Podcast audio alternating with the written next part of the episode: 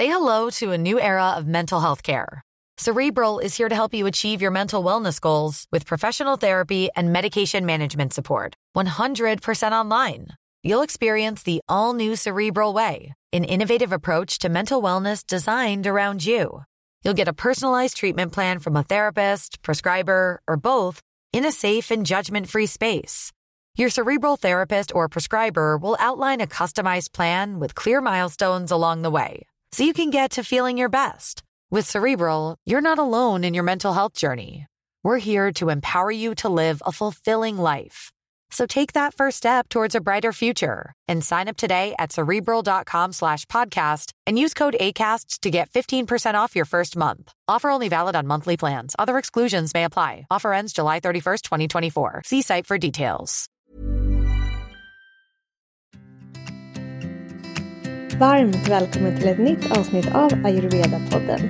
Syftet med podden är att låta ayurveda gå från något abstrakt och avlägset till något mer konkret och lättillgängligt. Jag som pratar heter Johanna Mård och tillsammans med mina gäster undersöker vi hur den här kunskapen kan göra skillnad för oss alla och vår hälsa. Det här avsnittet är väldigt speciellt. Dels för att det är första gången som vi är tre personer i podden men framför allt för att det är just systrarna Evelina och Emmy bakom succévarumärket Food Geeks som gästar det här avsnittet. Evelina och Emmy arbetar tillsammans som entreprenörer, receptkreatörer, kockar på större event och föreläsare. De har också författat kokboken Bowls-bibeln. Och med över 75 000 följare på Instagram inspirerar de dagligen till matglädje, kreativa recept, tips och råd inom holistisk hälsa, deras positiva syn på livet samt glimtar av deras spirituella resa. Plus att de själva har en fantastisk podd som heter Sen och sånt. En podd där de båda väldigt öppet och personligt delar med sig av just allt det som ligger dem närmast hjärtat. Personlig utveckling, spiritualitet, livets resa och såklart matglädje. Och i det här avsnittet när Evelina och Emmy gästade Ayurveda-podden pratar vi också om allt det här och mer därtill. Vi pratar en hel del om våran tro och egna erfarenheter av hur man kan läka den fysiska kroppen genom mat, meditation och spiritualitet. Vi pratar även om hur vi påverkas av det vi äter och hur vi kan påverka maten som vi lagar. Och Evelina och Emmy delar också med sig sina bästa tips på hur man kan få in mer matglädje och matlust i vardagen. Och tro mig, det är många tips som är värdefulla att börja praktisera på en gång. För ju mer matlust du lyckas skapa för dig själv, desto starkare kommer din agni att brinna och det i sin tur kommer ha en positiv inverkan på hela din hälsa. Vi pratar också en del om hur man kan grunda sig om man känner sig ogrundad och det faktum att meditation kan vara väldigt grundande för många medan det för andra kan göra att man känner sig mer ogrundad. Och hur det kan komma sig, det får du höra mer om i avsnittet. Emmy berättade också att en av deras tjejkompisar hade sagt att hon njöt av deras podd Sen och sånt på samma sätt som hon njuter av ett stort glas färskpressad, krispigt kall och god apelsinjuice. Och det tyckte jag lät så härligt och det fick mig också att tänka på vad jag själv skulle associera just det här avsnittet till. Och jag fick upp känslan av att njuta av en riktigt god, varm och söt chai latte eller en stor kopp golden milk. För det här blev verkligen ett mysigt och varmt samtal med två fantastiska tjejer. Jag hoppas att du kommer finna det lika mysigt och givande som jag gjorde.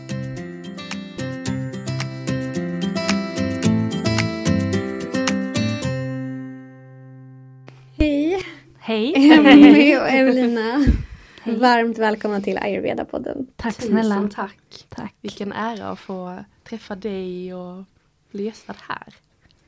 Det är en ära för mig att ha er här. Mm. Alltså, jag vet att ni är två busy entreprenörer. Så alltså jag, ibland känner jag bara, hade jag Oh, jag önskar att jag hade haft hälften av ert driv, typ. Tänk vad jag hade åstadkommit. Jag bara, nej det hade du inte önskat. nej jag skojar. Det har du ja, ja, Nej men jag är så, alltså det är verkligen, det är verkligen ära för mig att ha er här. Jag är jätteinspirerad och imponerad av allt ni gör och har gjort.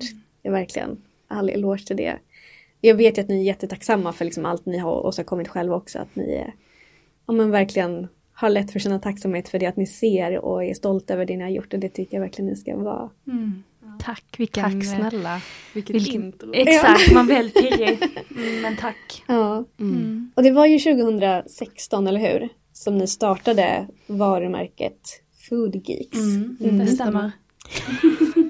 Som tvillingar. Verkligen. Vi får sluta med det för att det har verkligen blivit. På senaste upplever jag också att vi har typ, alltså, alltså vi kommer säkert, exakt, men att vi bl- har blivit mer och mer lika. Alltså vi var rätt olika när vi var små. Mm. Eller så, det Mm, var vi ju. mm. Men nu liksom med Fugix-podden tror jag också bara gjorde en sån här 180 grader, alltså så att vi bara Hamnar på exakt samma exakt. frekvens också. lite olika nu efter Mm. min utbildning. Ja, Nej jag bara. Jo men så är det, det är sant.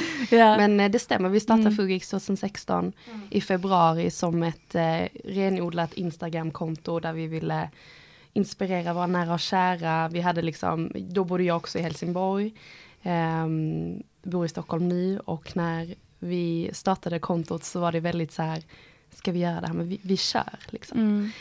Eh, och det hette vi Food Geek Sisters. När vi hette Nej. Fugix först. Food Geeks hette vi först och, Och sen, sen- bytte vi, och sen bytte vi igen.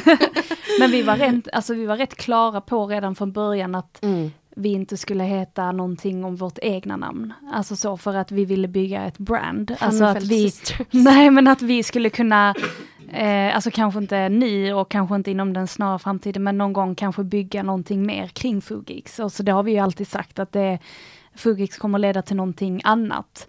Sen att vi, så det var liksom hela liksom grejen med att vi startade var ju för att vi bara kände att vi vill bygga någonting kring Mm. ja men mat, hälsa, synsättet att se på livet generellt tror jag. Alltså Mm. så här, det positiva och att vi, alltså för att många, vi får faktiskt många det liksom att hur kan ni vara så positiva, hur kan ni vara så glada, är ni alltid det? Eh, Precis, är du alltid glad? Men jag skulle säga att inte allt, alltså det finns ju liksom alla känslor är tillåtna, men majoriteten och vi har alltid nog haft det här. Det har Grundglädjen exakt, i det har, livet. exakt. Mm. Eh, livsglädje liksom Mm. har alltid funnits med oss. Eh, och vi vet om att ehm, vi vet om att det har varit eh, ja, men påverkat då som Emmy säger först våra absolut närmsta vänner och familj men sen så ville vi ju liksom få ut det också. Så det börjar som ett Instagramkonto där. Mm. Ja. Och nu är Härliga det... blixtbilder. Ja. På brunsås i sängen. Men alltså, så. Mm. ja. Utveckling. Och, nu, och vad gör Food Geeks idag då? Vad, har liksom, vad, vad ingår i Food Geeks nu? Ja men eh, lite allt möjligt skulle jag säga. Det är som en påse gott och blandat skulle jag vilja beskriva det. Vi har ju vår egen podd, Sen och sånt. Eh, Magisk podd. ja, Alltså det tack. är, det är en av mina nya favoritpoddar faktiskt. Tack Ja. snälla. Vi är så Nej men på tal om att liksom er härliga energi och vibe, den kommer verkligen igenom i er podd. Mm. Så om man letar efter en ny podd, så sen och sånt, alltså verkligen in och lyssna på den. Gud vad härligt. Kul.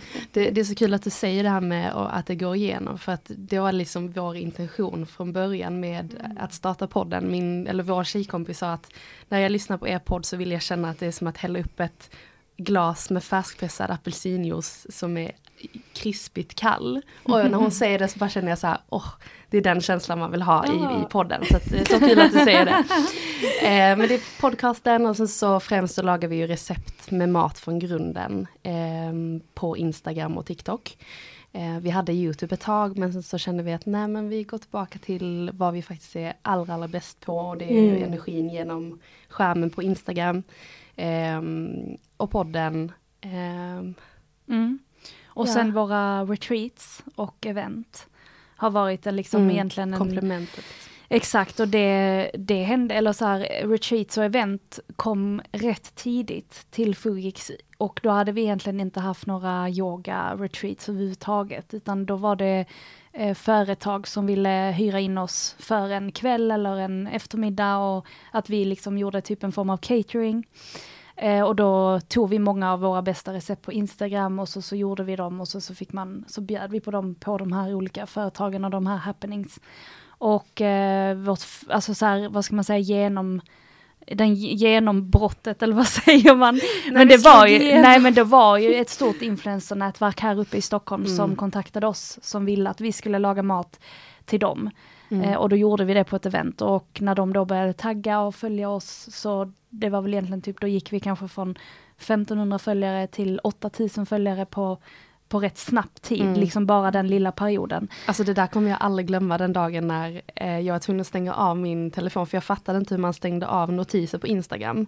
Eh, och eh, det var precis efter att vi hade gjort det här eventet och det ramlar in liksom nya följare. Det var nästan som att det såg ut som att vi hade anslutit oss till någon sån här bot, liksom att vi så köpte, köpte följare. Men så eh, det, det är sånt minne Ja. eh, från början, liksom hur att man bara så här, shit vi gör någonting för den temporära bekräftelsen man får av att så här, nu vill folk, nu hittar folk till oss liksom. Ja men också typ bara att vi kunde få en bekräftelse på att vi gör någonting som vi faktiskt kan fortsätta med. Alltså så här att man bygger någonting kring Food Geeks och att, för att jag menar man kan ju, alltså man kan ju absolut ha, man har ju drömmar och visioner och så, men sen så finns det ju en verklighet också, hur bemöts Geeks i verkligheten?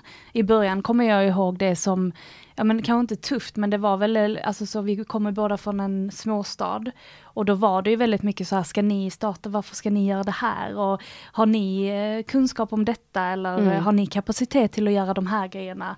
Men där var det vi väldigt säkra på att vi är rätt självsäkra i vad vi vill och vad vi kan se framför oss. Eller i Mm. alla fall för min del var det ju Mm. så väldigt tydlig vision liksom. Eh, och eh, jag tror många hade, eller många har ju också droppat av för den här typen av verksamhet kräver sjukt mycket uthållighet. Att man tackar inte nej till saker och ting utan att man bygger på olika grejer. Så retreats och event är eh, är liksom också en stor del i Fugix. Och det är också det som har gjort att vi har kommit hit och att man har också fått se att den maten vi lagar är också den vi lagar på retreats och har varit väldigt uppskattat. Mm. Mm. Den smakar som den ser ut på Instagram. ja men exakt, det är liksom eh, ibland säger vi så typ så här 40% mat och 60% kärlek. Ja. Ja. Mm. Att det är verkligen fint. den här det glä- glädjen och healingen kommer igenom liksom. Mm. 100%. Ja, fint. Alltså det, det där vill jag djupdyka i också. Mm. För många, det här är ju ayurveda-podden och eh, mångas ingång till ayurveda är ofta maten. Eh, att man gör något sånt här, man kanske hör talas om ayurveda och får någon typ av förståelse att det verkar vara, man kan göra någon typ av personlighetstest eh, och så är det många som letar upp det och gör det och hittar liksom sin ayurveda personlighetsprofil.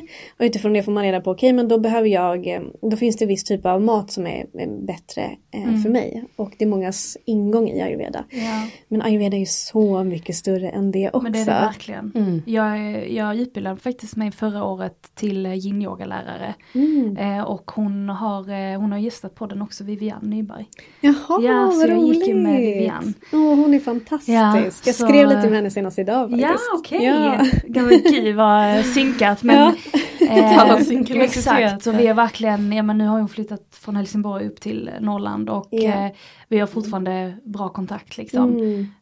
Hon, har, hon har ju sagt det att eh, hennes eh, utbildningar är, hennes yogautbildningar är mycket ayurveda för Ja. att det ligger så nära henne om hjärtat. Exakt, Mm. hon är Ja, men ju vad väldigt fint. mycket ayurveda Ja. och eh, yin-yogan heter Arju Yin. Så vi fick väldigt mycket, alltså nu var det rätt så här övergripande men det var lite djupdykningar i ayurvedan. Men eh, vi pratade ju lite om det, det här att det är ju, handlar ju om så mycket mer än bara mat och profilerna utan det är ju liksom ett sätt att leva och ett sätt att tänka. Mm. Så mm. Så vad skulle du säga, vad, vad har du för relation till ayurveda eller vad betyder ayurveda för, för dig? Och inte som att jag frågar dig liksom, Nej, nej, vad nej. är definitionen utan mer så här, din personliga relation och vad det Eh, betyder för dig. Ayurveda för mig betyder mycket om att bli medveten. Eh, att liksom komma lite tillbaka till sig själv och känna in vad man behöver för dagen. Eh, men också, man kan också typ lite koppla, för mig kan jag koppla ayurvedan också till, ja men då såklart eh, mat, sömn, eh, alltså hur olika miljöfaktorer alltså faktorer och så påverkar. Men att man eh, har lite små knep på hur man kan påverka sin dosha då. Eh, och det behöver inte betyda att man ska göra det varje dag, men att man bara har den här medvetenheten om att man behöver lite mindre eller lite mer av någonting. Eh, så att det, jag har absolut med mig det, eh, men det är kanske inget, jag tänker inte, eller så här att jag lever en ayurvedisk livsstil, men det finns med absolut. Mm. Mm. Jag tycker det är så fint att du säger det för det där, för mig är det där liksom en stor grund i Mm. ayurveda. Man säger det att ayurveda är vägen till självläkning. Och självläkning är enbart möjligt genom självkännedom. Mm. För om du inte vet vem du är så det är inte så lätt att veta vad du behöver. Nej. Och där kommer ju ayurveda in Mm. och hjälper dig, guidar dig till att lära känna dig själv. Ja. Och det är inte som att ayurveda är det enda verktyget som finns för att lära känna sig själv. Nej. Men eh, Men det är ett väldigt bra verktyg och när man alltså, läser mycket om det eller utbildar sig eller vad nu man vill kring ayurveda så skulle jag säga att det är precis som du säger att det blir ett väldigt tydligt verktyg och där finns delar i ayurvedan så att du behöver inte lära dig allt utan där finns liksom delar som du kan plocka med dig. ja, verkligen.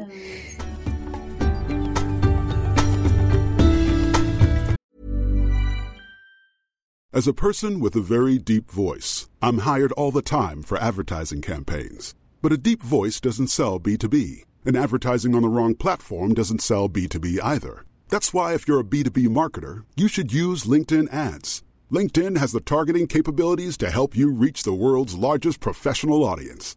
That's right, over 70 million decision makers all in one place. All the big wigs, then medium wigs, also small wigs who are on the path to becoming big wigs.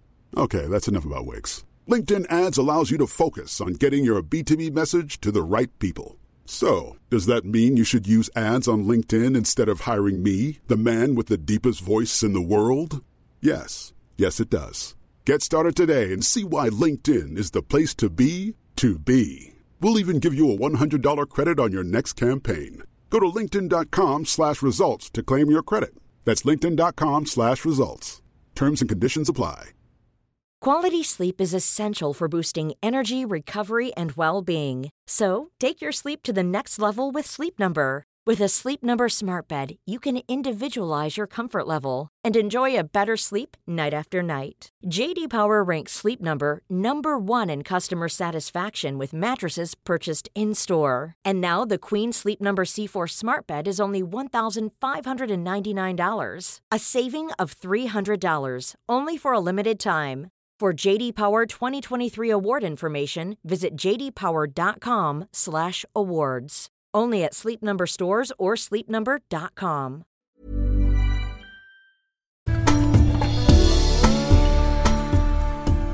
Jag har ju djupdykt i ayurveda de senaste åren och jag tänker redan nu att jag vet inte om jag kommer lära mig allt inom den här livstiden. Nej, nej. Alltså jag är ju bara 31 idag och kommer troligtvis hålla på med ayurveda resten av mitt liv. Mm. Och känner redan nu att så här, gud när jag är 70, men då har jag fortfarande inte förstått allt. Nej. Det är, liksom, det, är så, det är så stort.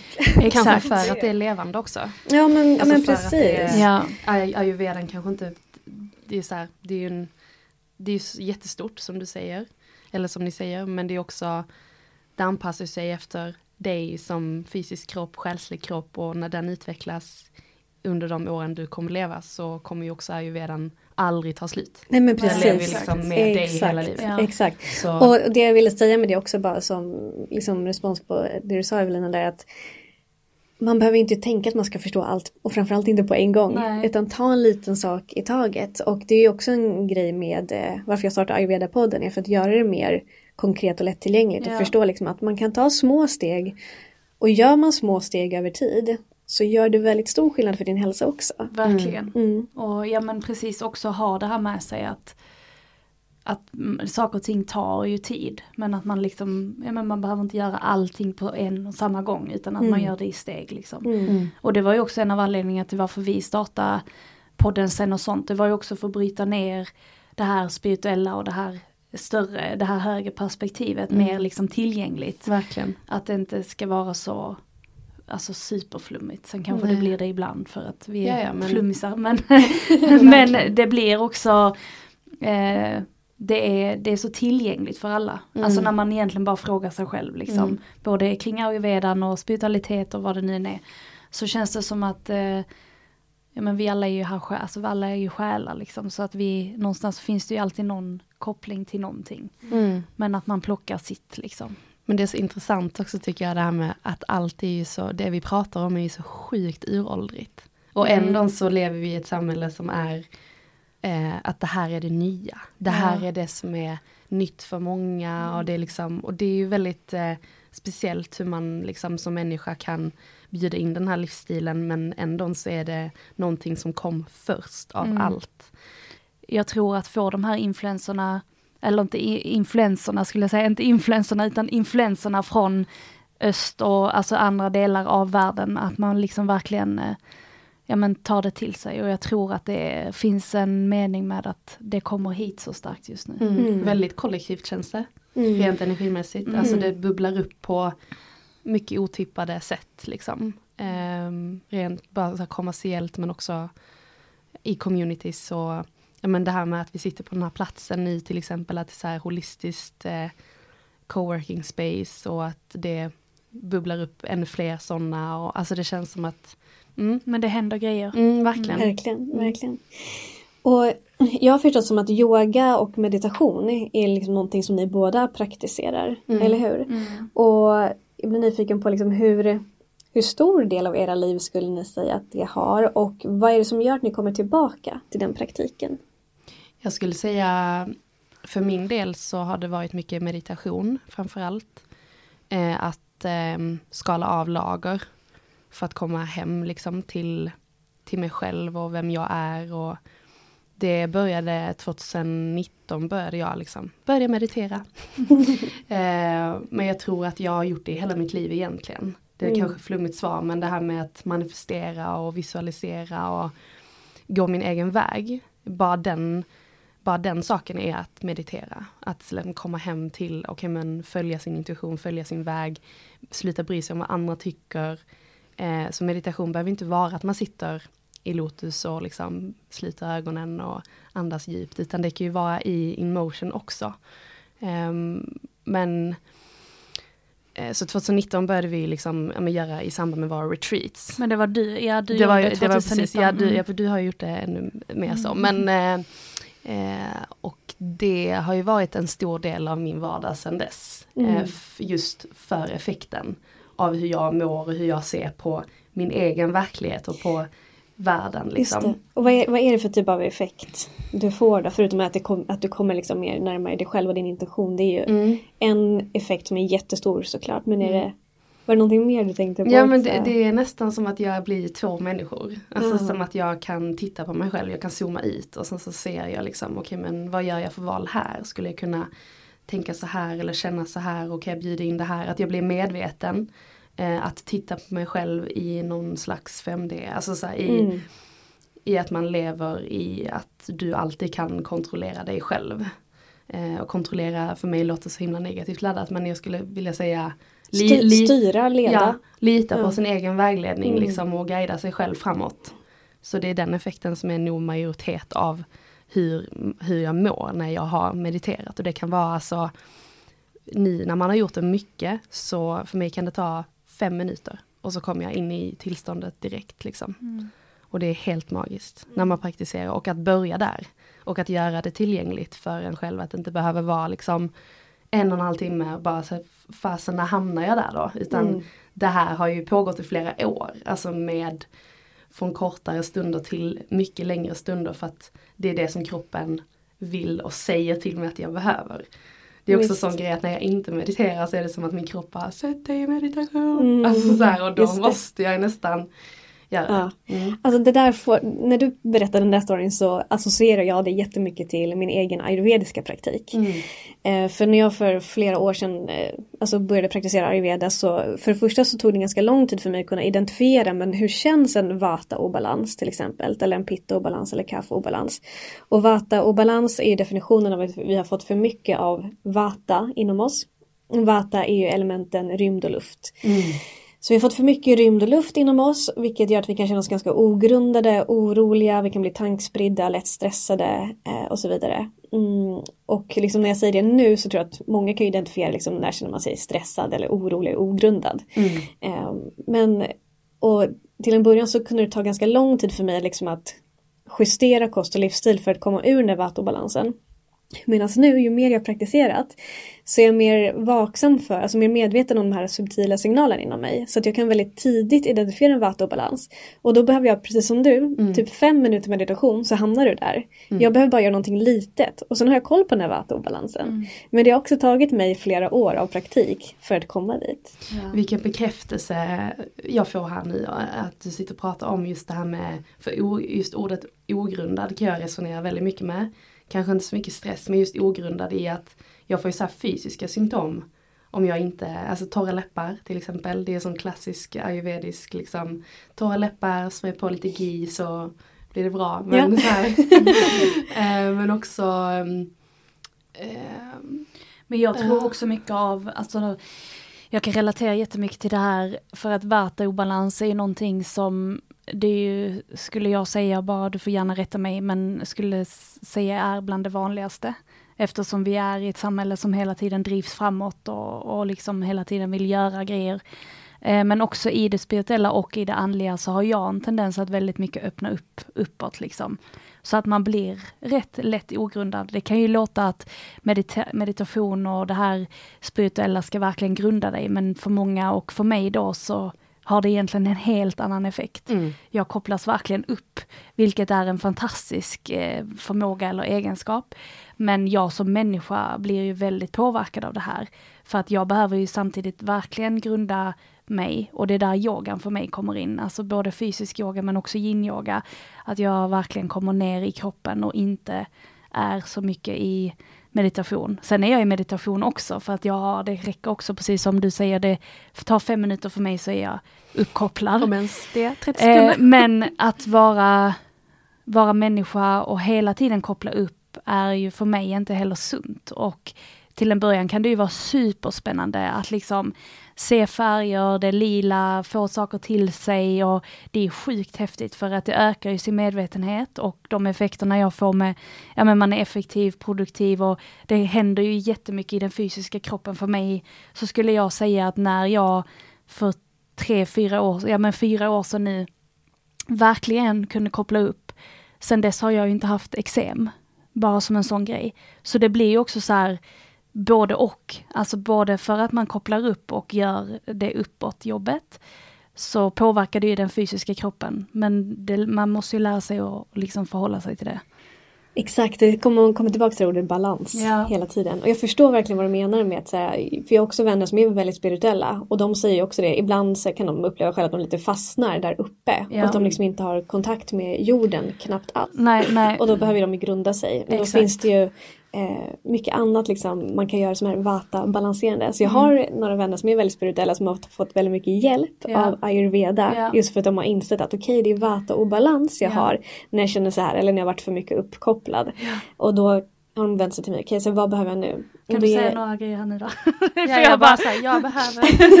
för, nej men det är verkligen exakt det där och ja. nu när jag har varit på, iväg på den andliga utbildningen så har jag känt mig lätt stressad och helt det här, eh, mm. vad, vad händer nu och jättekänslosam. Nu, nu är det också hormonellt för mig för att jag är lite sen med min mens. Men, så, men hela fysiska kroppen påverkas ju av att man kopplas upp och verkligen kommer i kontakt med själen. Mm. Så det här grundningen och eh, den här vatteobalansen är väldigt eh, bekant med. Mm. Men känner du då att du kan liksom pendla mellan alltså det som är där du är uppe och där nere och att den pendlingen gör att du känner dig ogrundad? Ja, pendlingen... Att inte på, liksom, eh, alltså rotationen här, är liksom inte... Ja, men pendlingen beroende på vad det är jag gör, alltså om det då är fysisk yoga eller om jag liksom är meditation eller om jag går den här, en kurs då till exempel. Och när jag varit på retreats och när jag varit på eh, alltså intensiva kurser så, så upplever jag att pendlingen från när jag kommer hem blir, eh, alltså den blir lite kortare. Alltså, förstå, alltså det blir lite enklare för mig desto mer jag praktiserar att koppla upp men också koppla ner. Klyftorna mellan jorden och det högre var mycket större innan. Mm. Nu, är det, nu börjar det dämpa sig eh, desto mer jag gör det. Så det, det, är nästan som att man ser det liksom som en magnet som dras till varandra. Och jag tror mycket handlar om ja men det här med att vi får ju lika mycket kontakt från jorden som vi kan få uppåt. Men det uppåt, det är ju det som är spännande. Alltså det är ju det, det är där, det är det, som är, det, är det som är liksom paradoxalt. Exakt, och det är det själ, själen oftast kallar på. Mm. Alltså när vi liksom kopplar upp för att det blir så jorden tar vi ju lite tyvärr för givet, att vi är här och att vi ska liksom grunda oss. Det känns ju som att man gör det, men det är, alltså det är så mycket viktigare egentligen. Mm. Uh, så, mm. mm.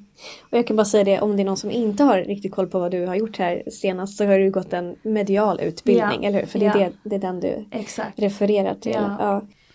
Men så jättespännande, den har ni också pratat mer om i er podd. Ja. Så man får lyssna där om man är mer nyfiken. Ja. Jätte, jättespännande, jättefint avsnitt där du delar med dig mer Mm. om det. Men eh, svar på din fråga, eller er fråga, vad Ja. kan man göra om man känner sig ogrundad? Vad finns det för liksom ayurvediska huskurer typ? Eh, och mantrat, ett mantra är värme, vila, varsamhet. Mm. Värme, vila, varsamhet. Liksom man, kan inte, man kan typ inte få nog av det om man känner sig ogrundad, vilket också makes a lot of sense. Vi behöver inte egentligen ayurveda för att kunna tänka oss fram till det. Så värme, vila, varsamhet. Och varsamhet, och tänk dig själv att du är liksom en skör glaskula. Att, liksom att du bär dig själv med varsamhet. Att du är lite så här, ja men lite öm mot dig själv liksom. Smörja in sig eller... Ja men Ja. till exempel liksom, var, var snäll mot dig själv. Ja. Pusha dig inte så hårt liksom. Nej. Och inse att du kan sig ganska känslig faktiskt. Och när vi har vata-obalans är vi väldigt känsliga. Ja. Så värme, vila, varsamhet. Eh, och värme är ju att klä sig varmt. Alltid nu när det är vinter och det är kallt ute. Och det är så typiskt mig för jag har aldrig strumpor. Och jag behöver det mest av allt just Ja. nu. ja. Men det kanske också, alltså så här, det, ja. Nej men det jag... Men alltså verkligen hålla sig Ja, varm är ja. en jättebra grej. Hemma bara alltid typ filt i soffan eller sockor och när du går ut alltid mössa och halsduk och bara Mm. håll dig varm. ja. Drick varmt vatten, Ja. drick inte kallt. Nej. Eh, utan liksom inga kylda drycker heller. Nej. Ät varm, väl tillagad mat. Mm. Eh, bada varmt, duscha varmt. Smörj in dig med varm sesamolja Mm. till exempel. Och sen regelbundenhet är ett annat mantra. Ja. Regelbundenhet. För det grundar oss faktiskt. Gör att vi känner oss mer grundade. För vi, har vi mycket oregelbundenhet då blir det lite som att flyga runt. Och när vi flyger runt så blir vi mer ogrundade. Utan vi behöver rutiner och regelbundenhet, värme, vila och varsamhet. Alltså gud, jag måste skriva ner det Det här. här är en sån, Och det här, vi eh, läste ju ja. lite om detta då med eh, Vivian. Eh, men vi gick väldigt så här övergripande liksom. Eh, men det känns verkligen som att det finns en mening med att vi Jag har... att du ska skriva ner det nu. Ja men kan jag inte göra det? Eller vi kan ta det sen. Du kan skriva. Men eh, jag bara glömmer att vi poddar typ. Men, Det är också eh, fint. Men också hur, vik- alltså, hur viktigt det här är. Mm. Alltså det är så sjukt viktigt.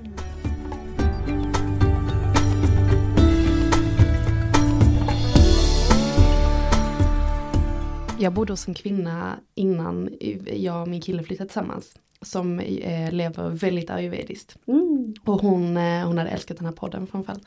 Måste tipsa. Eh, men hon, eh, jag var inte alls bevandrad med det här med att äta varm gryta klockan 10.30 om man behövde det liksom. Mm. Så ibland så kände man ju så här, för mitt rum var precis vid köket. Så att jag kunde känna så här, alltså kardemumma och kanel och så här stark curry klockan så här 11 när hon står i så här raggsockar och har den största halsduken och det är så här verkligen eh, ansiktet utåt för ayurveda och Ja. det var typ där jag började säga okej intressant vad är det här? Så igår faktiskt så eh, kom min kille hem och bara så varför, alltså är du frusen eller typ så här, för att jag hade, och det har aldrig hänt mig innan, men jag hade halsduk på mig inomhus i flera timmar och typ så här tjocka strumpor och Det är typ jag varje dag just nu. Alltså jag mår så bra av det. Mm. Jag har aldrig liksom haft det innan. Alltså det är så här, jag klarar mig och sen så har man typ någon, eh, något linne och typ pyjamasbyxor eller typ så här yogapants. Men jag hade verkligen klätt på mig inomhus och den känslan var när jag tog av mig halsduken sen efter ett par timmar. Då var det som att jag bara kände så här min hals, alltså jag hade bara matat min hals med så mycket kärlek. Ja, Så att eh, bekräftelse på det du säger att det är nog, ja, visst det ska verkligen. bjuda in ännu mer i mitt liv. Ja, verkligen. Verkligen. Och sen kan man gå ännu mer liksom. Det finns såklart jättemycket man kan göra för att balansera sin vata. Det finns specifika pranayamas och andningsövningar man kan göra och specifik yoga asana och så vidare. När, för många, många tusen år sedan, alltså yoga och ayurveda går ju hand i hand, det har ni säkert hört. Man brukar beskriva yoga och ayurveda som två systrar som växte upp samtidigt. Mm. Det är en jättefin metafor. Ehm, Som vi. och till en, ja men precis. och till, en, till en början så när man, människor började praktisera när yoga för ja, flera, flera tusen år sedan så gick du ju först till din ayurveda-läkare som berättade för dig det här är din grundkonstitution mellan liksom balansen mellan vata, pitta och kapha och det här är din nuvarande obalans och utifrån det så får du yoga på recept. Så man fick liksom yoga, yoga asanas då eh, av din ayurveda-läkare. Mm. Så det är ju menat, eh, eller det, ja, typ menat att vara en väldigt individuell praktik, även yoga. Och att det kan användas för att, eh, ja men ta rätt på obalanser men också stärka det som redan, alltså det friska Mm, i just. också. För Mm. jag kände mig så kallad nu efter den här utbildningen och bara hela hösten och allting liksom. Som har varit sjukt intensiv. ehm, att börja på hot yoga. Så jag har börjat på, alltså gått på hot yoga nu i tre veckor och det är typ det bästa jag har gjort på så sjukt länge alltså. Det är så jäkla, alltså bara den här värmen, 40 graders värme och bara yoga 80. i det. Vad sa du? Jag Ja, gissade du ju sa att det var veckan att 80 grader. jag bara, alltså det är typ 80 grader i en sån. Man bara, mm, lite vatten, Men eh, så att, eh, ja, det här är verkligen, eh, jag är väldigt glad att du bjöd hit oss. För det, Mm. Mm. Vad roligt. Och det finns ju över 70 avsnitt av Ayurveda-podden som ni kan Ja. lyssna på om ni vill Mm. lära er har du gjort, mer. eh, jag har ju kollat lite, men har du gjort eh, solavsnitt också? Jag har typ två soloavsnitt. Okej, Ja. ja. De flesta har jag gäster. Ja, Mm. ja. Mm. Spännande. Jag tycker att det, för jag själv tycker att det är roligare att snacka med någon annan än att snacka med mig själv. Ja. ja. Um, ja, och förutom att vi har holistisk hälsa som gemensamt intresse så har ju vi, alltså mat är ett stort gemensamt intresse för oss också. För jag är också väldigt intresserad av mat och har varit det länge. Jag är också utbildad kostrådgivare och ayurvedisk hälsorådgivare och ehm, har själv en historia av en väldigt, väldigt svår IBS framförallt. Mm. Som jag helt och hållet har läkt med hjälp av att jag har praktiserat ayurveda över tid. Och för mig är det, ja det är verkligen fint. Ja. Och det är för mig, alltså mitt liv idag jämfört med hur det var för några år sedan är som natt och dag när det kommer till min maghälsa. Och jag har typ bara ayurveda att tacka för det. Så det, och ja, alltid varit så här hälsonörd och väldigt intresserad av så här, hur kan jag laga hälsosam mat. Och innan jag stödde på ayurveda så trodde jag att jag var väldigt hälsosam. Men insåg eh, sen när jag lärde mig mer om ayurveda att den kost och livsstil jag hade där då snarare skapade obalans i mig. Istället för att liksom grunda mig till exempel som jag behövde mer av där och då. Jag kan känna typ hur, hur ditt barn i magen är väldigt glad och nöjd just nu. Ja, det är så När du sitter och liksom pratar Ja. eh, om hur du har lagt dig själv och magen. Och, Ja. jättefint. Sitter och har en liten hand på, en, Mm. min, hand på min, min lilla mage också. Åh, vad fint att du känner in det. Ja. Men så mat då, jag tänker att ehm, alltså mat som energi. Bara vad kommer till er när jag, när jag säger mat som energi? Vad har ni för relation till det? Ja, men mat som energi, för, bara nu liksom jag pratar utifrån mig, är att eh, det handlar, för mig handlar det om att liksom ge till, till sitt tempel, alltså för att orka till exempel. Eh, för att historien liksom förtäller väl att Fugix, eller både du och jag, har egentligen inte haft, vi har alltid haft en väldigt sund relation till mat. Mm. Eh, och vi har varit väldigt tillåtande när det kommer till mat, att mat är mat. Eh, Och mat är glädje. Mat är glädje, exakt. Eh, och det här att vi aldrig egentligen haft några direkta förbud, utan att energin i maten är faktiskt det som är, men det läker i kroppen på så många olika sätt. Både när det kommer till men, matglädjen, men också såklart i, vissa ingredienser och vissa råvaror eh, som man behöver kanske till, ha ett, ett speciellt förhållande till. Till Mm, exempel mm. som när jag då har haft jättemycket eksem och hade hor- hormonell akne, så var ju jag tvungen, alltså av hälsoskäl, eh, bjuda in en annan typ av energi i maten. Mm. Eh, där det var liksom lite mindre gluten, mindre socker. Eh, men idag kan äta det utan problem. Eh, för att ja, men då var det som att det var en energi i mig som hade nog lite stagnerat från när vi var små, tror jag. För att förr på 90-talet, ni alla som vet, det fanns ju typ gurka, majs, tomat och isbergssallad. Det var typ det som fanns i liksom grönsaks... Och det var, fanns liksom li- äpple, banan, päron. Det var det som fanns. Och sen var det ju sjukt mycket halvfabrikat. Mm. Eh, och det var verkligen det här eh, gorbis, panpizza, snabba maträtter. Alltså jag säger... Alltså, jag måste bara flika Ja. in där, vi renoverade köket hemma när vi var små, jag kommer aldrig glömma detta. Och vår pappa ställde in mikrovågsugnen i vardagsrummet. Och sen köpte han Findus färdigrätter till oss i en månad. Mm. Alltså det var länge vi käkade, vi snackade Wow. ostschnitzel, det var Wallenbergare. Alltså Men det så här. är det, och det där, kan exakt. liksom- Och jag tror att intresset för mat och vår mamma har alltid lagat väldigt vällagad mat. Vi, när vi var små så var det liksom, vi vet, eller jag vet att det är många som har eh, vänner och så som hade middag och då åt man typ mackor och flingor. Alltså det är inget fel med att äta mackor och yoghurt och flingor till middag men vi gjorde aldrig det. Alltså så här, jag tyckte det var jättekonstigt utan mamma lagade alltid vällagad mat. Mm. Sen kontrasterna till att ibland så i, nu är detta lite mindre, eller nu är detta liksom i början på 90-talet, men att det var verkligen det här halvfabrikat.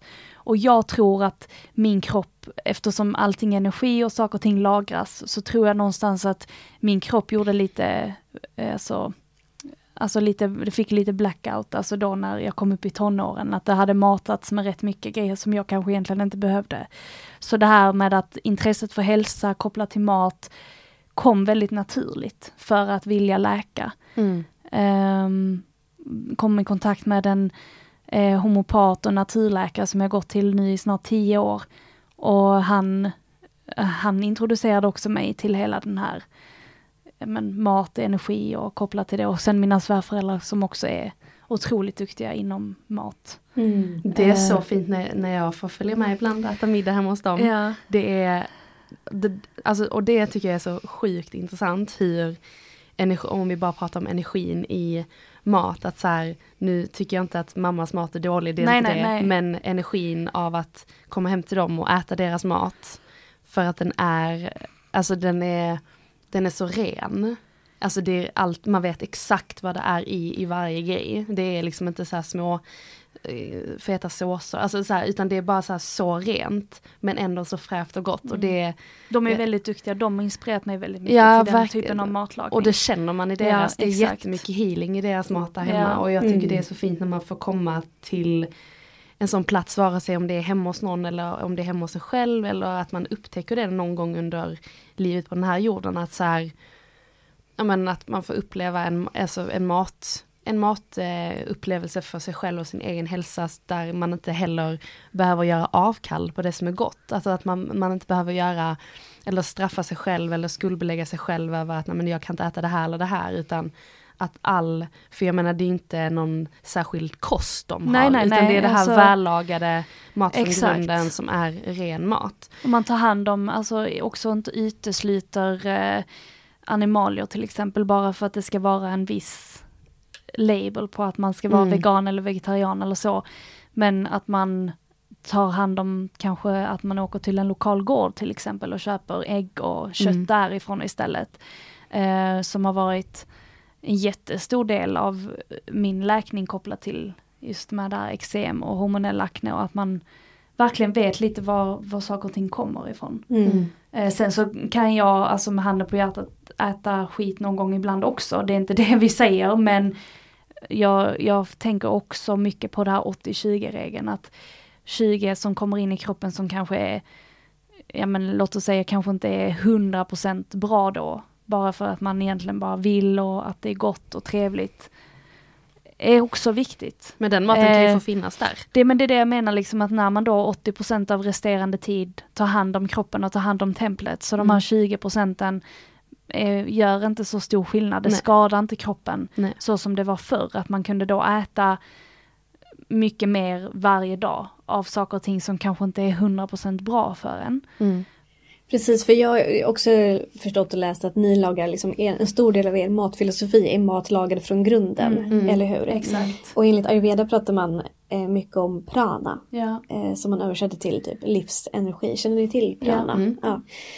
Ehm, och det är ju, alltså prana, alltså det är ju livsenergi och jag tänker, jag får ofta, ofta upp bilden av ett här, äppelträd som finns här i Sverige på hösten. När vi plockar ett, äpp, ett färskt äpple från trädet som har fått mogna, liksom hämtat all näring från rötterna och liksom från solen och sin omgivning. Alltså det är så mycket prana i det Ja.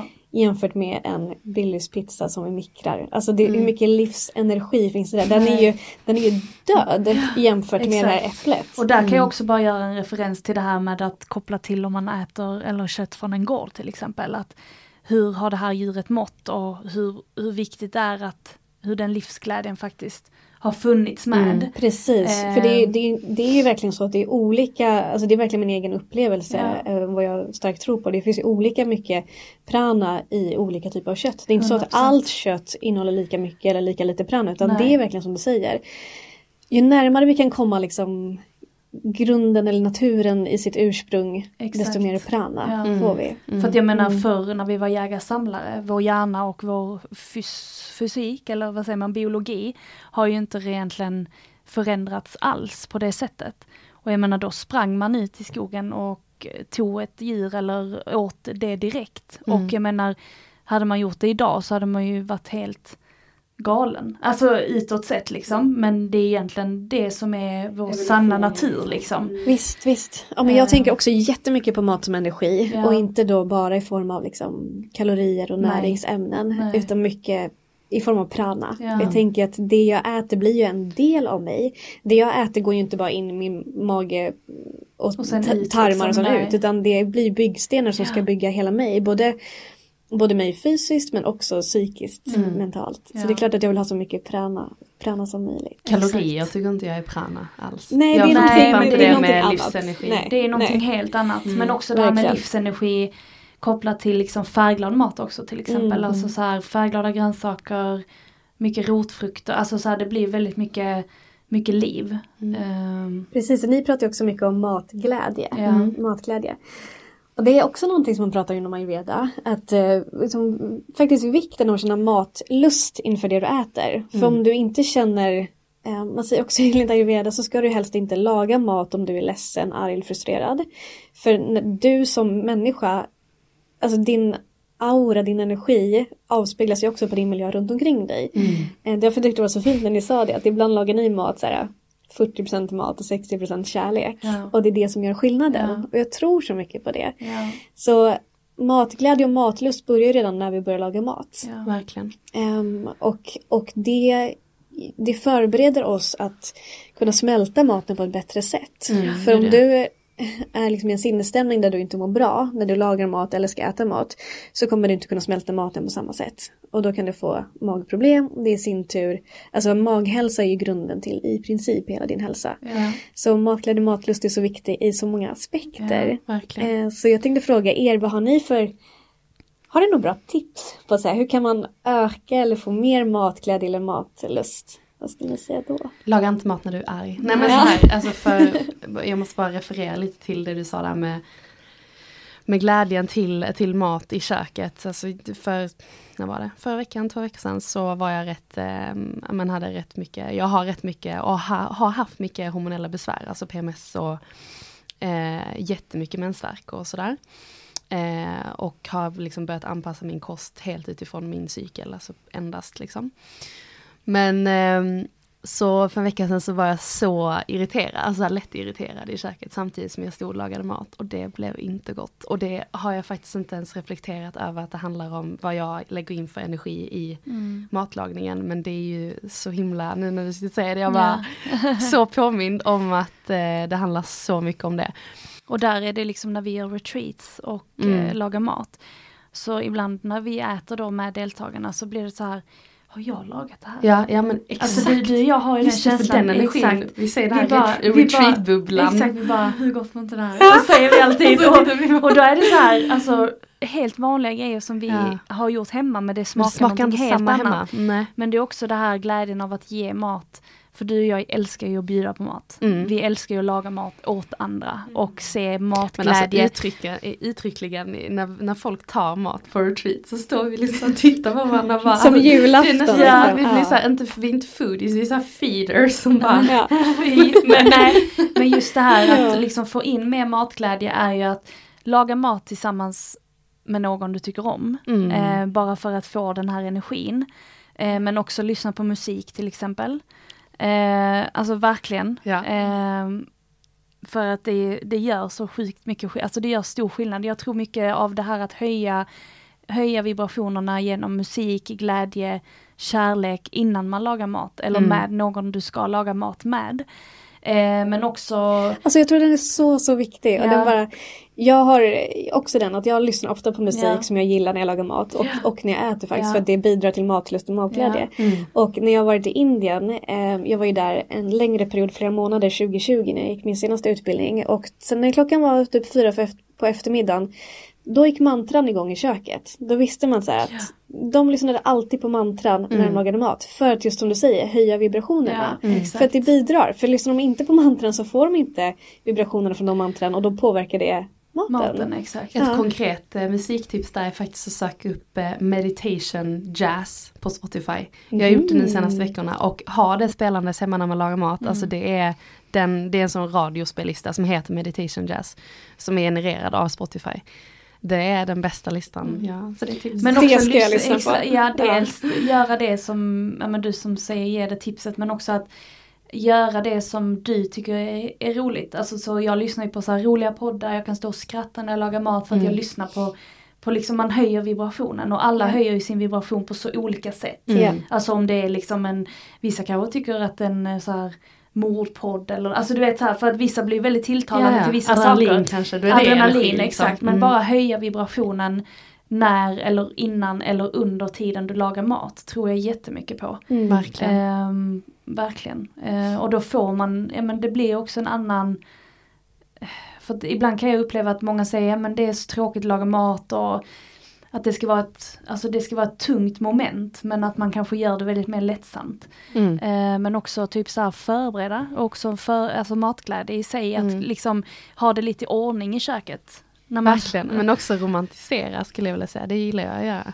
Romantisera att eh, finns det någon till exempel en rätt man vill lära sig att laga, alltså så hur enkelt det faktiskt kan vara att följa ett recept till exempel. Att så här, men om man vill testa göra egna dumplings till exempel, det kan vara så här på bild jättesvårt och så kanske det är jätteenkelt när man har men romantiserat hela hur, hur saker och ting också ser ut. För där kommer nog min koppling till maten in också det här med det, hur det konstnärligt, hur konstnärligt det faktiskt är att främja den här kreativiteten och att, att se det på det viset, att hur det ser ut på tallriken och vad, vad gör det gott för ögat liksom. Att det bringar också så mycket matglädje, både under processen men också när man ska slå sig ner och äta. Och titta på tallriken och liksom medvetet bara, "Uff, det här känns så bra att jag ska få stoppa i mig det här. Och alltså sätta den intentionen. Så Visst. Den, den är också jätte, jättebra att ha med för vi äter ju lika mycket med ögat. Vi äter med alla våra sinnen. Mm. Vi gör ju det. Och det är också någonting som ökar matlusten. Klart vi blir mer sugna på en, alltså en, en tallrik som är fint upplagd. Och kanske särskilt när vi har gjort det för oss själva. Än Verkligen. att bara lägga upp någonting som inte ser så gott ut och vi kanske inte är så sugna på det egentligen. För om vi äter någonting som vi egentligen inte är så sugna på eller som inte tilltalar oss då kommer det släcka våran eller det släcker våran agni något mer som är den här inre matsmältningselden. Så det finns ju massa grejer man kan göra för att få igång den innan vi äter och det är bland annat allt det här som vi har pratat om nu. För det ökar ju våran mat, matglädje, matlust verkligen. Och maten är ju så kopplat också till ja, men alla våra lyckohormoner i kroppen. Alltså dopamin, serotonin, alltså så här. Och allt det sitter i magen. Ja, I exakt. Så matar vi inte Eh, den bra så aktiveras inte Så de. mm, det, allting hänger ihop. Mm.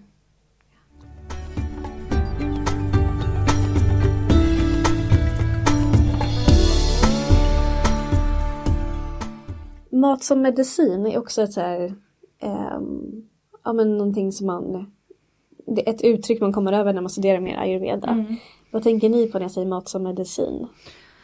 Jag personligen tänker mycket på det som jag har gjort för min kropp. Eh, att när jag började träna väldigt mycket, och det gjorde jag av intresse, så inget liksom hets eller så, eh, det vill jag ändå tillägga, men tränade väldigt mycket, eh, drack mycket energidryck eh, och var typ, alltså vad ska man säga, den här stereotypen fitness, på, alltså fitness-tjejen liksom. Eh, och det, det var ju jättekul där och då. Men sen när man hade gjort det i regelbundet i tre år och insåg att eh, liksom shit jag får bara mer och mer finnar, alltså kroppen säger ifrån på, så jag fick candida i magen.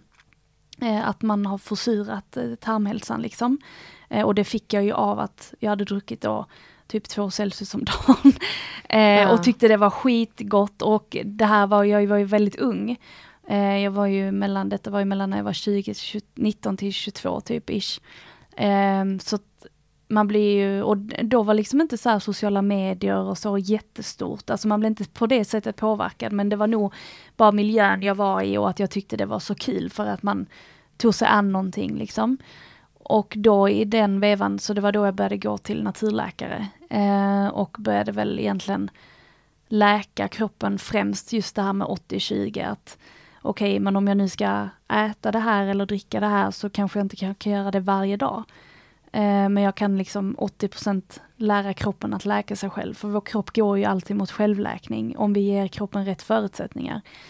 Eh, så när jag då liksom började jobba mer med det, att jag bara okej, okay, men nu behöver jag göra de här, de här åtgärderna kopplat till maten, för mycket handlar det om vad jag stoppade i mig.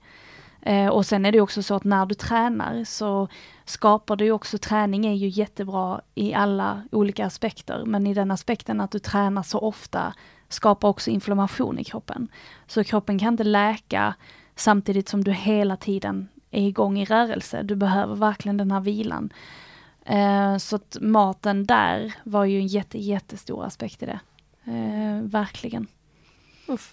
För min del så var det, eller är det, eh, den hormonella hälsan. Mm. 100% menscykel och att eh, ja, men när man känner själv att, och när man kan liksom, nu låter det fel att säga kanske, men experimentera genom att kanske ena månaden, ena första cykelmånaden liksom har sett att mm, jag hade jätteont de här, jag loggar min, min menscykel och har inte ätit preventivmedel på mm, flera år liksom, utan det här är mitt sätt att leva efter min cykel.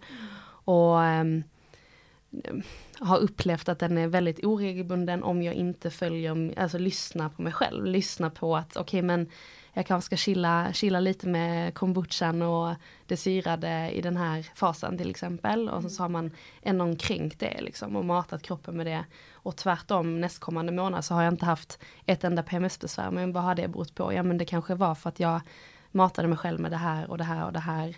Eh, under faserna anpassade utifrån faserna istället för att bara köra på. Mm. Sen så eh, vill jag heller liksom inte förlita mig på massa appar och allt vad, som, vad man får för råd. För allting börjar ju också verkligen inifrån och vad man känner in själv. Mm. Eh, vissa mår jättebra av jättehård styrketräning under mens medan jag är verkligen så här kura upp mig och yoga och meditera och göra lågintensiv träning hemma till exempel. Men det är så himla olika. Men just det här med mm. att lyssna på sig själv under cykeln har varit eh, mat som är medicin för mig. Att så här, jag, jag behöver liksom inte eh, piller och sådär för att eh, ta hand om PMSen. Mm. Så, utan det räcker med justeringar kring maten liksom. Verkligen, det och uh, dryck. Exakt. Men också bara det här att man inte sätter upp några förbud för sig själv utan det handlar ju om så mycket mer. Mm. Det handlar ju om liksom att man vill rå om sitt tempel och att det ska vara, ha de bästa förutsättningarna i livet för att man vill göra detta och detta och detta eller leva livet med sina nära och kära. Liksom. Mm. Så man vill ju egentligen inte bara, man skiter ju inte i det om man höjer sin medvetenhet och det är, det är ju grunden till så sjukt mycket, mm. att bli medveten. Verkligen. Ja, verkligen. Det är precis som vi började. Ja. Liksom att Ayurveda är vägen till självläkning, mm. vilket enbart är möjligt genom självkännedom. Ja. Och handlar om medvetenhet liksom, mm. om sig själv men också liksom, men hur hela världen fungerar, hur, hur, hur man kan använda mat som medicin. Ja. Och hur det påverkar en och så. Verkligen. Mm. Jag ser ju verkligen mat som medicin eh, och det kombinerat med att liksom justera din livsstil efter vad du behöver så kan du min tro läka i i princip vad som helst. Ja. ja. Samma, jag tror också mm. likadant. Mm. mm. Jag vet om att det är, alltså så här, det blir liksom så här, man vill inte bara, jag vet att det är så men jag, jag, Men vi vet det. jag känner verkligen alltså i hela mitt system att mm. ibland vill, alltså så här, verkligen, det, det är en helt annan podd men, ja, men verkligheten och det är en helt har också bevisat det. Vad sa du? Verkligheten har ju också bevisat att det har Ja fungerat. men den har också motbevisat ja, på ja, olika sätt och det är där okunskapen kommer in. Mm. Eh, och det där är så paradoxalt för att man vet inte hur mycket man vill säga och inte för att man bollas hela tiden i att man vill inte trampa någon på tårna för att man har respekt för att X och Y har gått igenom detta och detta och detta liksom. Mm. Eh, men där kommer också mitt andliga aspekt in i det här med att man, livet tar aldrig slut. Utan det fortsätter i alla dess former. Men att när man väl har livet så ska man ta vara på det liksom. Mm. Verkligen, mm. verkligen. Vad fint hörni. Alltså jag känner som jag nästan alltid säger. Det känns som att vi skulle kunna sitta här i flera timmar till. Ja. Mm. känns inte som att vi har mm. pratat klart. Nej, verkligen typ inte. typ som att vi bara börjat. Men jag tänker att vi, vi avrundar. Mm. Vi avrundar för nu så får vi se. Det kanske blir fler samtal ja, längre det fram. Det, det kommer det. Ja. Det har varit jätte, jättefint att ha er här. Ja, men tack för att vi fick komma. Du har så. jättefin energi. Ja. Mm. Tack. Man får så väldigt eh, klar. Moderlig, härlig energi av dig. Ja, vad fint. Tack snälla ni. Tack. Tack.